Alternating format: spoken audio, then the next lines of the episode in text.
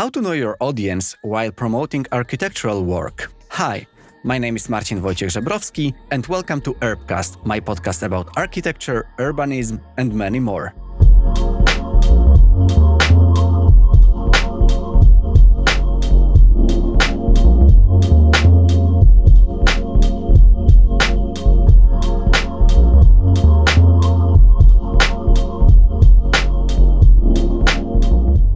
I'm very happy to share with you the newest episode of the Communications and Business Development series of my podcast. In this series, I'm meeting with professionals working within business development and PR in architecture offices in Denmark, but also in other countries. And today I am extremely happy to present the newest conversation with Josephine Licke, who is the CEO at JaJa Architects. She's also a trained architect and communications consultant. I think that Josefina has very vast experience in especially the promotion of architectural work.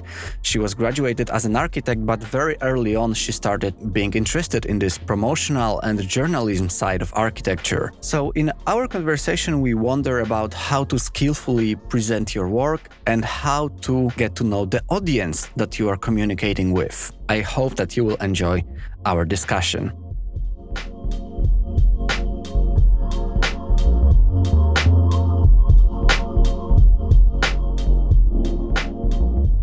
Josefina, thank you very much for coming to Urbcast. Welcome. Thank you so much. I'm so excited to be here. I'm very happy that you invited me here to JaJa's office. It's very nice to have this conversation, especially that we are talking in the model shop. Right. So we're a bit out of space this morning. We have a lot of meetings, so our meeting rooms were totally booked. But I thought maybe we could improvise and do a standing session here, and it seems to be working really well. I think that in architecture, in planning, you need to improvise sometimes, right? Definitely. I think that is a, a very important competence to have, yeah.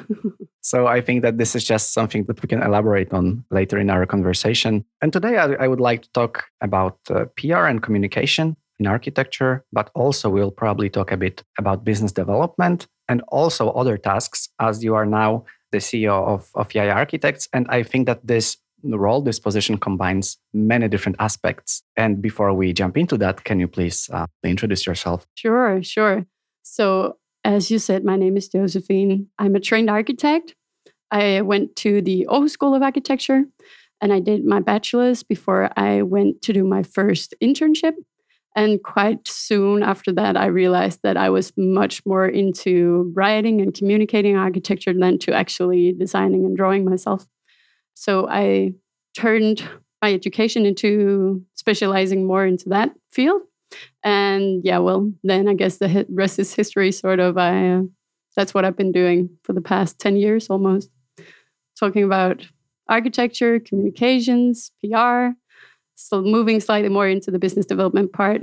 I'm especially happy that we can talk, and I hope that you will share some experience, maybe some advice as well, because I have also some uh, young architects, young professionals contacting me, and some of them I think might have some kind of a similar situation as you had. So they are in architecture, but they are looking for for something else. Right. They are just looking for some other possibilities, maybe still within architecture, but yeah, why not on this more uh, promotional side? Mm-hmm. And here comes the PR and journalism. And this is something that you diverted your career and attention still while studying, right? So, what was your kind of your first um, inspiration, your motive for this change? So, I always loved writing, right? Back in like school, like the small kindergarten class or whatever, I was uh, writing small short stories, novels, whatever. And I always, I was always told that I was super good at it too, mm. right? So it was a huge motivation for me to keep doing that. And then when I was like looking for higher education, searching for fields to study, I was pretty clear or I knew within my heart that I wanted to do something creative or something with like communications and yeah so i visited the school of journalism and, and i visited the architecture school. And my heart completely i lost my heart to architecture mainly due to the vibe of the school and the people okay. there but also due to the purpose you know that architecture affects everyday life of every people like all the time. It's just like this has this major impact on our life right? So that's why I chose architecture over journalism at that point in my life. But um, then after only, like I said, three or four years, I changed the direction a bit back again. And I had this exchange course to the to the School of Journalism, and I kind of combined the both. I wanted to say at the beginning that it was almost 180 turn, but maybe it wasn't actually because, as we, I hope, uh, show in our conversation, PR and architecture can go hand in hand. I was just wondering. What tools did you have to kind of maybe not switch, but like educate yourself more towards journalism? Um, did you start with um, some school, maybe with some courses, or was it just like this natural talent that you kind of developed? So it was kind of both actually, because I had, I obviously had this natural talent and this natural interest in writing. So when I did my first internship as a landscape architect, like as a landscape design architect, yeah. I was very quickly tossed into writing updating the website. It was kind of a small company, no one to take care of those things besides from me. And I think my boss at that time, she quickly realized that I had a potential there and I also okay. had an interest in it. So I also, you know, updated business development material, our reference sheets, all that stuff. So I already started writing about architecture during my studies at architecture school. Then I took on a role as a blogger. That was back in the days where it was like huge to be blogging about. There was this student community blog in Aarhus where students from all the different educations blogged about their topic, right? Okay. But mainly about cultural and creative studies. And yeah. So I was like blogging about architecture in Aarhus. So I also kind of developed this practical, like everyday writing a little here and there and, you know, deadlines, keeping up with publishing rates and stuff like that. And then after doing all of this kind of training, hands on training, I realized that I also wanted to build on with like more education. And I made it happen so that I could go to the School of Journalism and do my seventh or eighth semester. I don't remember, ninth maybe. I'm honored to talk to one of the trendsetters if it comes to blogging right. culture. I don't know if, yeah, but it was kind of, we're like um, kind of first movers. I remember that I was some of my huge, like my idols back in the student environment in Aarhus were like, you know, the ones that were blocking and telling about the things that they were good at. And yeah, but it was before, you know, I think we were on Facebook, most of us, but it was definitely before Instagram. It was before um, lots of the other social media. So, I mean, we had the blog, the internet, the World Wide Web. I, I don't want to say it was old school way, but kind of.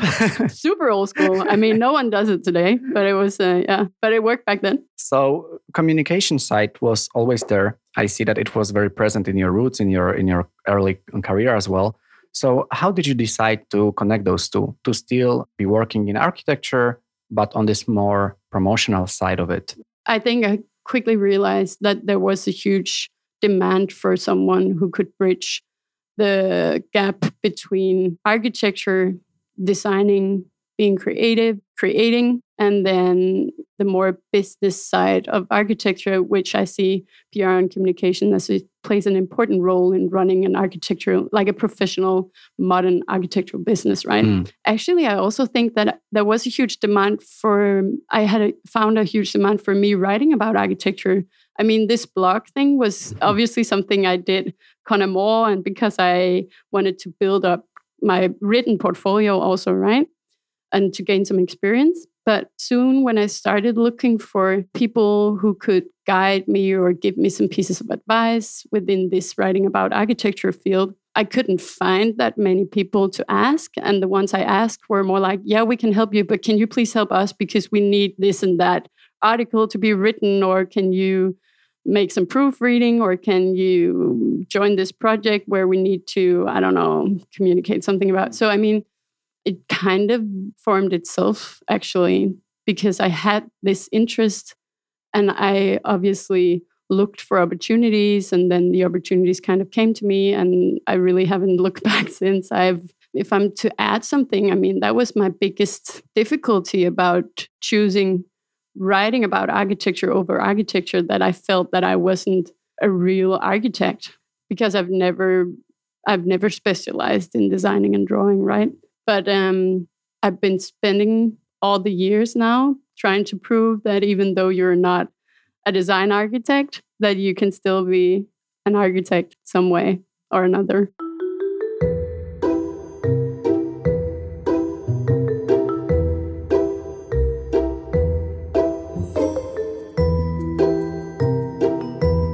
You also mentioned that there was not a writing environment in architecture, especially it wasn't big. So you kind of created your own environment and your own opportunities. I think that this is just a very smart way of doing things.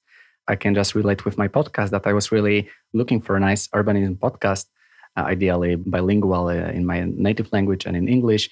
But I couldn't find one, so I just created my own. Mm. So I just kind of created this niche for myself. And I think that this is just a very smart way of using your skills.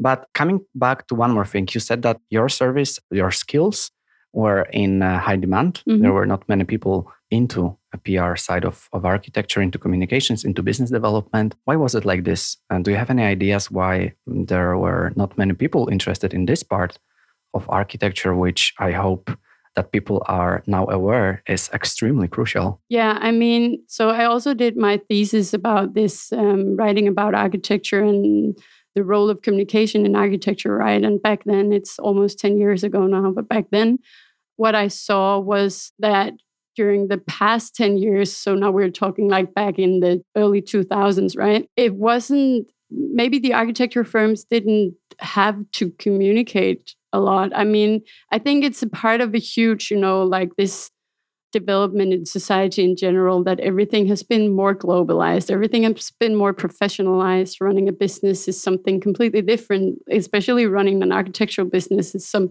super different from like maybe 30 or 40 or 50 years ago where you could just sketch on a napkin win the competition build the building and then everyone would know that you did this. I mean it's the world is just so much bigger now right Hmm. so I came in to this field at a time where things were starting to cook. I mean, Big had been like in the scene for some years. Um, the companies that came after him, like COBE and EFFEKT and JaJa, and like all these this wave of like Mm. young Danish architecture firms came in with a total different way of communicating architecture as well, right? Mm. But when I did my first my internship as a communications assistant at Henning Larsen, we were not yet on Facebook. I mean, we were not on social media at all, and everything was was centered around the website basically. And um, even though it was one of Denmark's largest architecture companies, right, it was still something to be developed Mm. and to be put in the center of running the business together with like developing a more professional and globalized organization. it's hard to imagine nowadays that there are architecture, big star architecture offices that are not having their own social media, right? Because this is like often their main inflows of people, of clients. Right. Unless you choose not to. That can be a statement too. Right. so, to make it in this more old school way, would you say that there was this uh, word of architecture before and after internet? So that before you, as you mentioned, you could sketch on a napkin and just have a nice pitch and charismatic presentation. I think that it really allowed for a big creativity. Whereas now you kind of have this uh, typical way of just having your Instagram account, Facebook Mm. account, LinkedIn account, and you just post as much as you can. Sure. Yeah, I mean, I think that's true, but I don't think it just it doesn't just apply to architecture, right? It applies to every industry because Hmm. it's just how the world developed, how the world evolved, like with globalization, rapid communications. I mean, it's just another ballgame now. So, I mean, yeah, if you want to, yeah, I don't know, you kind of, um, yeah, you made me think if it makes architecture like if architecture were better in the old days where you didn't have to communicate like this and i don't necessarily think that because i mean all the technological development the communication like the development in communications like all this all these different industries or fields of profession fields that influence architecture right? And i think that it all in all it makes everything better. It adds to the value of what we do as architects right? Mm. but obviously it's a balance and we see these big discussions right now with like for instance how you create a render and make everything look kind of supernatural. Hmm maybe it looks a bit too good to be true hmm and maybe it is right?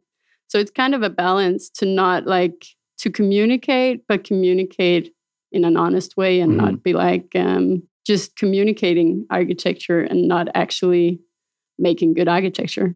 Does that make sense? Yes, I mean exactly. I think that that was my point. That mm. I was just wondering, don't we as architecture industry focus too much on on the final image, right? Mm. Don't we just overdo the makeup mm. instead of focusing on how to skillfully mm, get your message through? But I also feel that we're at a point right now where there's this kind of paradigm shift that maybe it was like this five years ago. Okay. Maybe even not too long ago. But now I experience some kind of movement towards something else, right? Towards something that's more honest, more true, more comparison or opposite, like the more superficial, maybe just looking at the images, blah, blah, blah. Because you can also make good communication around more honest architecture. You just need to communicate it a bit differently but it's still important to communicate. You just need to choose a different approach to your communication, I think. It reminds me of this conversation that I had with Ippolita Nicotera, business development manager from Topotek One, uh-huh. a Berlin based architecture office. And, and she also said that over the years, we learned that we maybe should put the people, the human, on mm. the render as well. Mm. So I think that there was this development also of, of consciousness. Mm. Oh, yeah, that's right. Mm. that's a good idea to actually put the user on the image. So that's why I was just wondering about this role of media and, and graphics, images, and so on.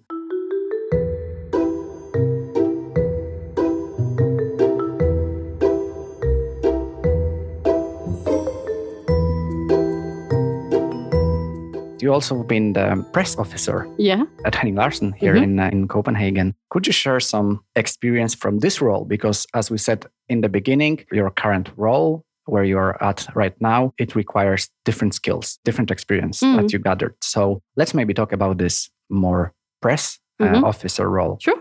It actually, um, it's kind of a continuation of what I just said before, like picking up on like how do you communicate architecture, and it doesn't really matter if it's what is your values and your belief in terms of how you create architecture, but communicating in an interesting way. And what I learned when I was in this press officer role at Henning Larsen, where I was for like five or six years, is that you can always find, I mean, you should look for the good stories and find the good stories. And obviously, it takes a little knowledge or at least a little experience to know what a journalist would think of is a good story, right? Because we, like many other professions, I think architects also tend to think that their little detail that they have been working on for three weeks in a row. Like, you know, it's most important because we've made these wooden joints or something. It's just, but maybe that's not exactly what like the journalist at uh, Politiken or Frame Magazine or wherever you want to be published thinks is super important. So you need to look for the good stories what I learned is that you can actually do that. I mean, even though you would think that architecture is the only good story is when the building is done and you can go check it out yourself and it maybe makes a difference in your everyday life or makes a difference for a lot of school children or patients whatever depending on the type of building but you can also find all of these good stories like on the way to getting to the result and you need to do that because architecture is a slow industry, right? It takes a long time for the projects to come to life. And um, if you want to create communication and add value to the projects through communication, you need to do it through the entire lifespan of the project mm. until it's actually finished. And what I think we could have done better, maybe, was also to continue looking for the good stories then after the building is handed over to the mm-hmm. users mm-hmm. and it, it opens. And I think we could still be better at like going back, visiting the places we did to see if they are working as we wanted them to, if all our intentions has now come to life or mm. if it's something different.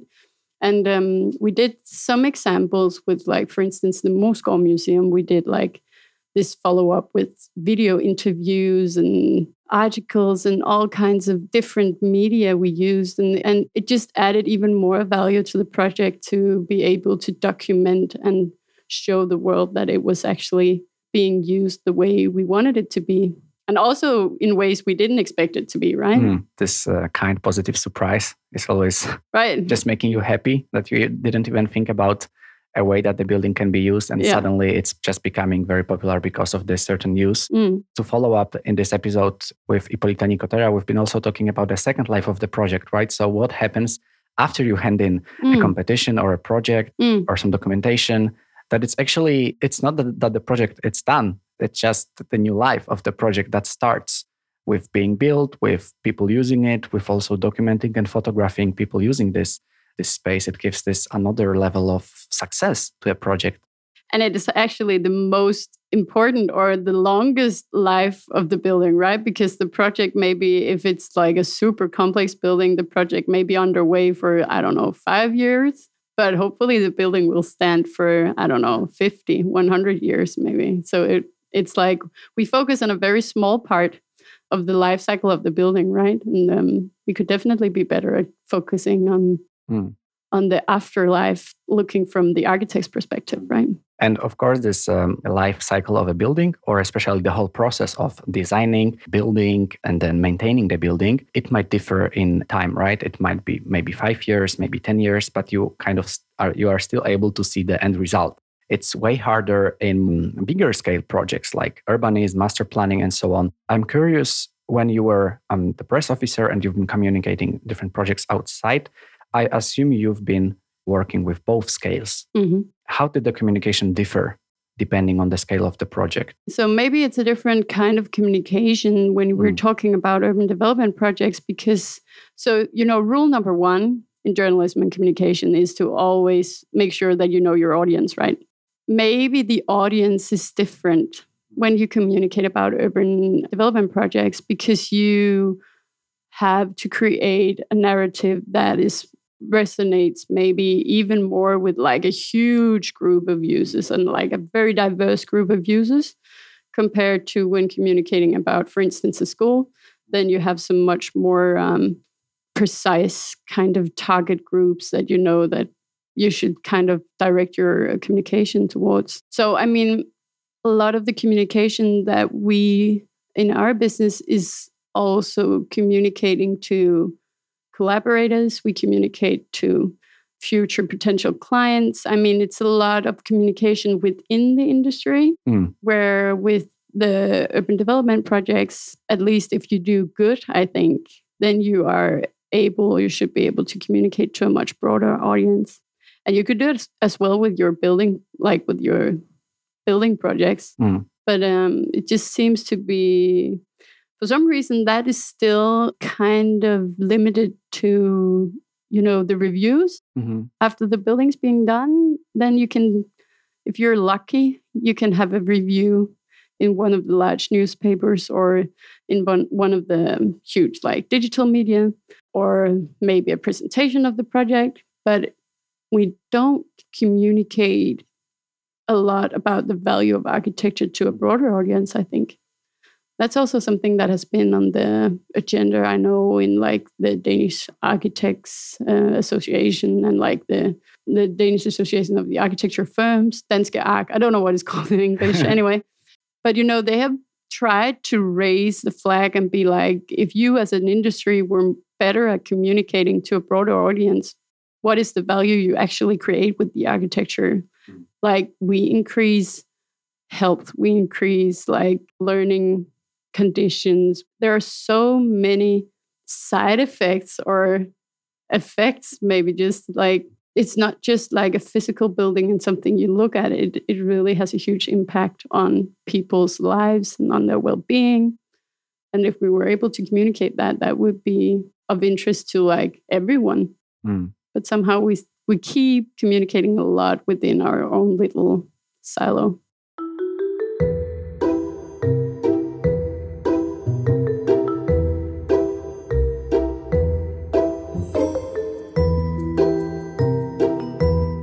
I think that there are also many decisions to be made because you mentioned promoting the the project after it's being done, and I assume it's also some cost, right? Because you devote your energy and, and your Mhm. focus to promoting something that it's just already built, maybe instead of focusing on the new projects. And it's the same with communication, right? Here in Copenhagen, we have many um, different architecture offices, and the biggest ones, but not only, communicate in English but of course preserving some part of communication in Danish. And this is also a decision to be made, right?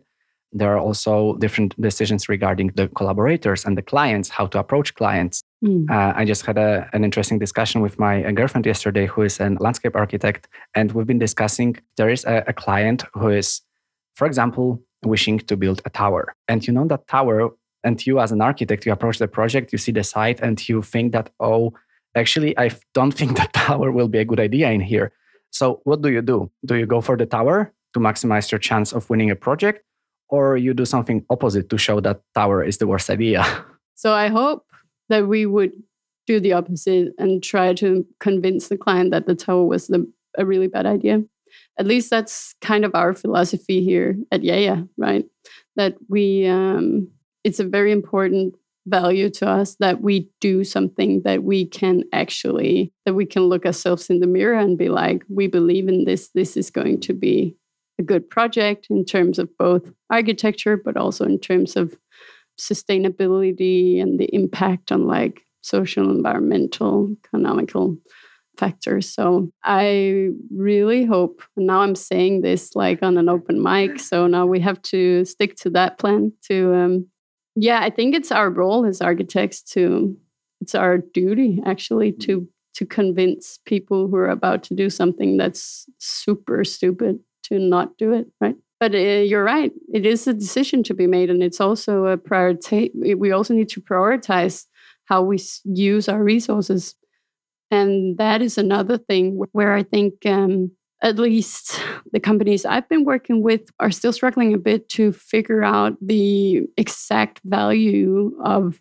good communications or all these surrounding professions because I'm not in doubt like in my gut, in my heart, I know that if we went out to visit a building after, say, five years, we would find super valuable stories that could create like could like get published and have like great exposure through those stories um, but even though i know that I sometimes, you know, everyday life just um, gets in on you and you forget that this is actually something yet, that you need to do and that you need to prioritize. That is also why it's an, it's a full time job to do the PR and uh, public relations stuff in every business, I guess. No matter how small or how big is the office, right? The the workload always will be there. Right, exactly. we mentioned already acquiring projects, and here I would love to shift to business development. And the reason also why I wanted to, to talk to you, I was really, really interested in your part of the career where you've been working independently as a freelancer or a consultant. How did you find yourself transitioning from an office to being independent? So that was actually tied to some very personal or private things that happened in my life because I had my first daughter. And when I came back after maternity leave to the office, I just found myself being a whole different person with like new values and other things that I wanted to focus on in life, a career. But at the same time, I've always been super ambitious, right? So I was not ready to just give up my profession and everything I kind of believe in in terms of architecture and running an architectural business. And so I just thought that maybe now was the time to become an independent again because I'd actually had my own company while I was still studying too and for the first years after graduating. So it wasn't that big a step also. Maybe that was also kind of a help that I knew that it was something that I could do because it also takes a lot of skills other than writing and communicating and knowing things about architecture to run your own business, right? Mm. Even though you run it as a one man band, or maybe especially because you run it as a one man band, you also need to know how to figure out your um, budget, your economy, your invoicing, your taxes, all that stuff, right? Obviously, you also need to find jobs and clients that wants to work together with you after like six years at Henning Larsen and uh, a lot of good years at architecture school. I've always been networking a lot because it's just in my personality, not because someone told me to. So I had this huge network of people that I could just call up and be like, I'm considering to start my own business. Would you care for a coffee meeting? Maybe we can make something together. And then I and I never. So that's like the funny part because I never. Um, In the very beginning, I had a couple of days where I made this super fast website and I never revisited it. It hasn't been edited at all during the two and a half years I run my business because I didn't have to use it and I didn't communicate anything I did. It was just, you know, word of mouth and people talking and calling me up or me calling people up when I knew that maybe they had a need for someone like me. I mean, you were in a lucky position to not be forced to use a lot of marketing and spend a lot of money right. on, on, on some paid ads. You didn't need to invest so much time energy in marketing and getting the customers, which I think put you in a very lucky position. Sure, sure, sure. it, I mean, I felt super privileged during those years also because I didn't, yeah, as you said, I didn't have to. It wasn't like a huge battle for me to like establish this company but at the same time i also had pretty low expectations right i wasn't uh, expecting to earn the same money as i was used to but at the same time i was also not expecting to work as many hours so for me, that was kind of the, the best of both worlds that I got to work a little less hours and do what I love to do the most, right? Mm. So it, yeah, it was a super privileged situation. And then it also obviously was something that led to me now working here as a CEO, right? Because I had a good collaboration with the JaJa for several collaborations over that course of time and um, and also I gained a lot of experience with running my own business that kind of put me in a position where I was ready to take on the responsibility of running something a little bigger.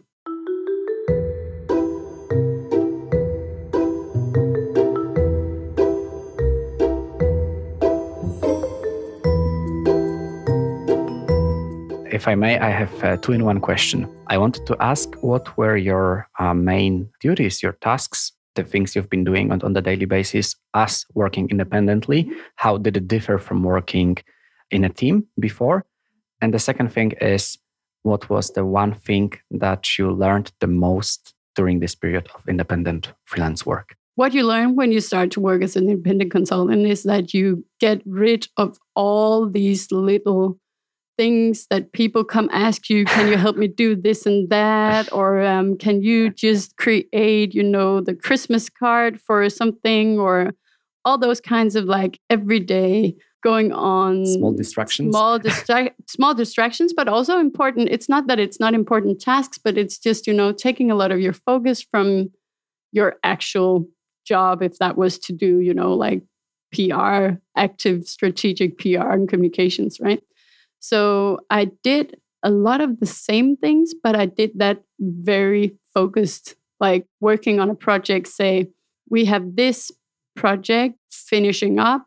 We want you to make a press strategy. We want you to make a plan, press plan for like publishing the thing all over, write the press release, what's in, you know, the entire package of like promoting a recently built structure. Mm. So that was like one thing. Then I helped different companies with like more strategic work in terms of PR and communications. I did these kind of collaborations where I worked with the same company for three months or five months for a couple of days a week.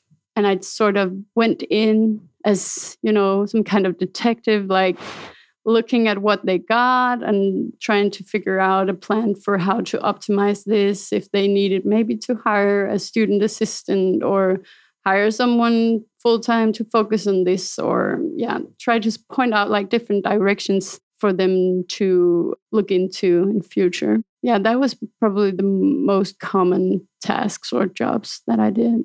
And then what i learned the most is that you have a lot of freedom when you work as an independent consultant. Of course you have a huge responsibility but you're only responsible of yourself and that gives a huge freedom, I think, which I can, to be totally honest, I love working in a big environment with lots of colleagues. But sometimes I, uh, I miss that independence or that freedom to be like, if one day you were feeling more of uh, going for a walk or uh, mm-hmm. going for going to a cafe to have a good coffee and read a nice book or something then I could actually do that. Obviously, not if I was on a deadline or if I had a client or something, but it was like, yeah, it's much more independent way of working and living, and that's something that's very much on my mind at the at the moment. Actually, mm. Also how to kind of implement that feeling in this office. And I haven't found the way to do that yet. I haven't cracked the nut, but um, hopefully I will someday because I think we're moving towards a total different way of working, right? Mm. Where work is just a part of living and not like something that's not a part of living as it is you know it's kind of been in like there's been this kind of work life balance uh, dogma for like the past years like i don't know how many years as if work and life is separate two different things mm. i mean it's not you're one person it's one life should all work together right so that's very much on my mind right now how to kind of bring the best things from my time working as an independent into a collaborative like this so this is one of the mm, biggest maybe tasks or challenges for now mm-hmm. in your work at JaJa. And we are reaching this moment when after this this very inspiring experience that you shared with me and the listeners, I'm very thankful for that. And just to pick your brain a little bit more, what was the one thing once you started here the role managing the whole professional practice of JaJa, What was the one thing that you wish you knew before you started? That is a good question. Okay, that is a really good question. My immediate like um, answer would be that I wish I knew that being a CEO of a kind of small company. I mean, we're 20 people here, so we're not like super super small, but we're not big either, right? Means that you have multiple roles from like being the janitor to being like um, in the spotlight for uh, panel debates or something like this or you know i mean it just my everyday work is very unpredictable. I mean if i get in one morning and uh, a water pipe is broken it's my problem right? If i get in and um, some it stuff is not working it's also my problem. I mean it's always my problem. Yeah big and small right? But that's also what's so super uh, interesting and challenging and fun about it. So I'm really growing with this position too. I mean, I wish I knew everything. So the thing with this role is that I had literally well, obviously, I had a lot of skills and competencies that qualifies me to do this, but I haven't done it before, right? Mm. So I have no experience in being an actual CEO of a company other than my own, where it was only me. Mm. So, I mean, I still don't know how to do this. I'm just trying my best every day to uh, gain more experience and, yeah, hopefully do a bit better every day, be a bit better. So, you've been CEO already of your own independent uh, right. company. So, it was kind of um, a role that you've been having before. I'm happy that I managed to surprise you a bit with this question. And just to flip it around and just to summarize it uh, from the other angle, what were the experience, the things that you learned in your previous positions as a press officer in communication, in business development that you can successfully use nowadays? What I learned from my previous experience and what I use every day here is that I have this super profound interest in all the things that surrounds like the designing and creation like detailing of the architecture right so i think um, I know now, which I've always, you know, I, I wouldn't say that I've struggled, but it's always been a challenge for me to convince management elsewhere that they needed to also focus and spend money and resources on like other things than just making good architecture, right? So I think that that is my biggest strength, that this is something that lies very deep in me. And then this interest in trying to maybe do things a bit differently than what I've been used to before. So trying to make a more modern workplace where we do things, yeah, maybe differently. Maybe not. if it turns out that it's not a good idea, we'll change it back. I think it's very good to experiment. That's that's how we learn, right? Yeah. To end on this learning note, again, I wanted to ask uh, about a book recommendation. I know. Maybe you have one. I do ideally it could be something close to the topic of our discussion. It is somehow related to the topic, but it's also a bit controversial because I'm going to recommend a book that I didn't read yet. But I was joining this webinar not too long ago where they talked about this book as a place to start if you're interested in this topic. And um, this is something that is very much in my mind right now. So that's why I thought that I would recommend this book and um, maybe have you guys read it at the same time as I will, and we can have discussions how to implement this in our everyday life. Um, the book I want to recommend is book called The Four Day Week by a guy named Andrew Barnes. And um, it's basically a book describing um, work revolution where we work a little less than we do today, but optimize in a way so that we still maintain the same level of value creation. And I think that is something that's very interesting and inspiring and something that I really want to learn more about and see if we can somehow implement at JaJa and um, hopefully in the rest of society too. I think we are going towards a work revolution where we will do things differently, and I hope to be a front runner within that. So yeah, a bit, uh, maybe a bit controversial, maybe a bit off topic. I don't know, but um, that's my book recommendation. That's lovely. You managed to make a revenge and surprise me as well. Yeah. as I was expecting something more architecture related, but I think that this is a thing of. This is super architecture related too. That's true. That's the whole point. That's true. That's true. That's my point. That I also read a lot business development or business uh, books in general. I think that it helps a lot to structure your own work and especially your life as well. So that's a very good recommendation. And, and thank you for that. Sure. Josephine, thank you very much for this conversation. I really think that uh, you shared enormous amount of experience and advice if it comes to how to structure your work in communication, in PR, and, and also a bit in, in business development as well. And most importantly, from my perspective at least, that you share this perspective on working independent, having this freedom of choosing who do you want to work with and and what do you want to do. I think that was the, the great thing. Thank you so much. Thank you for inviting me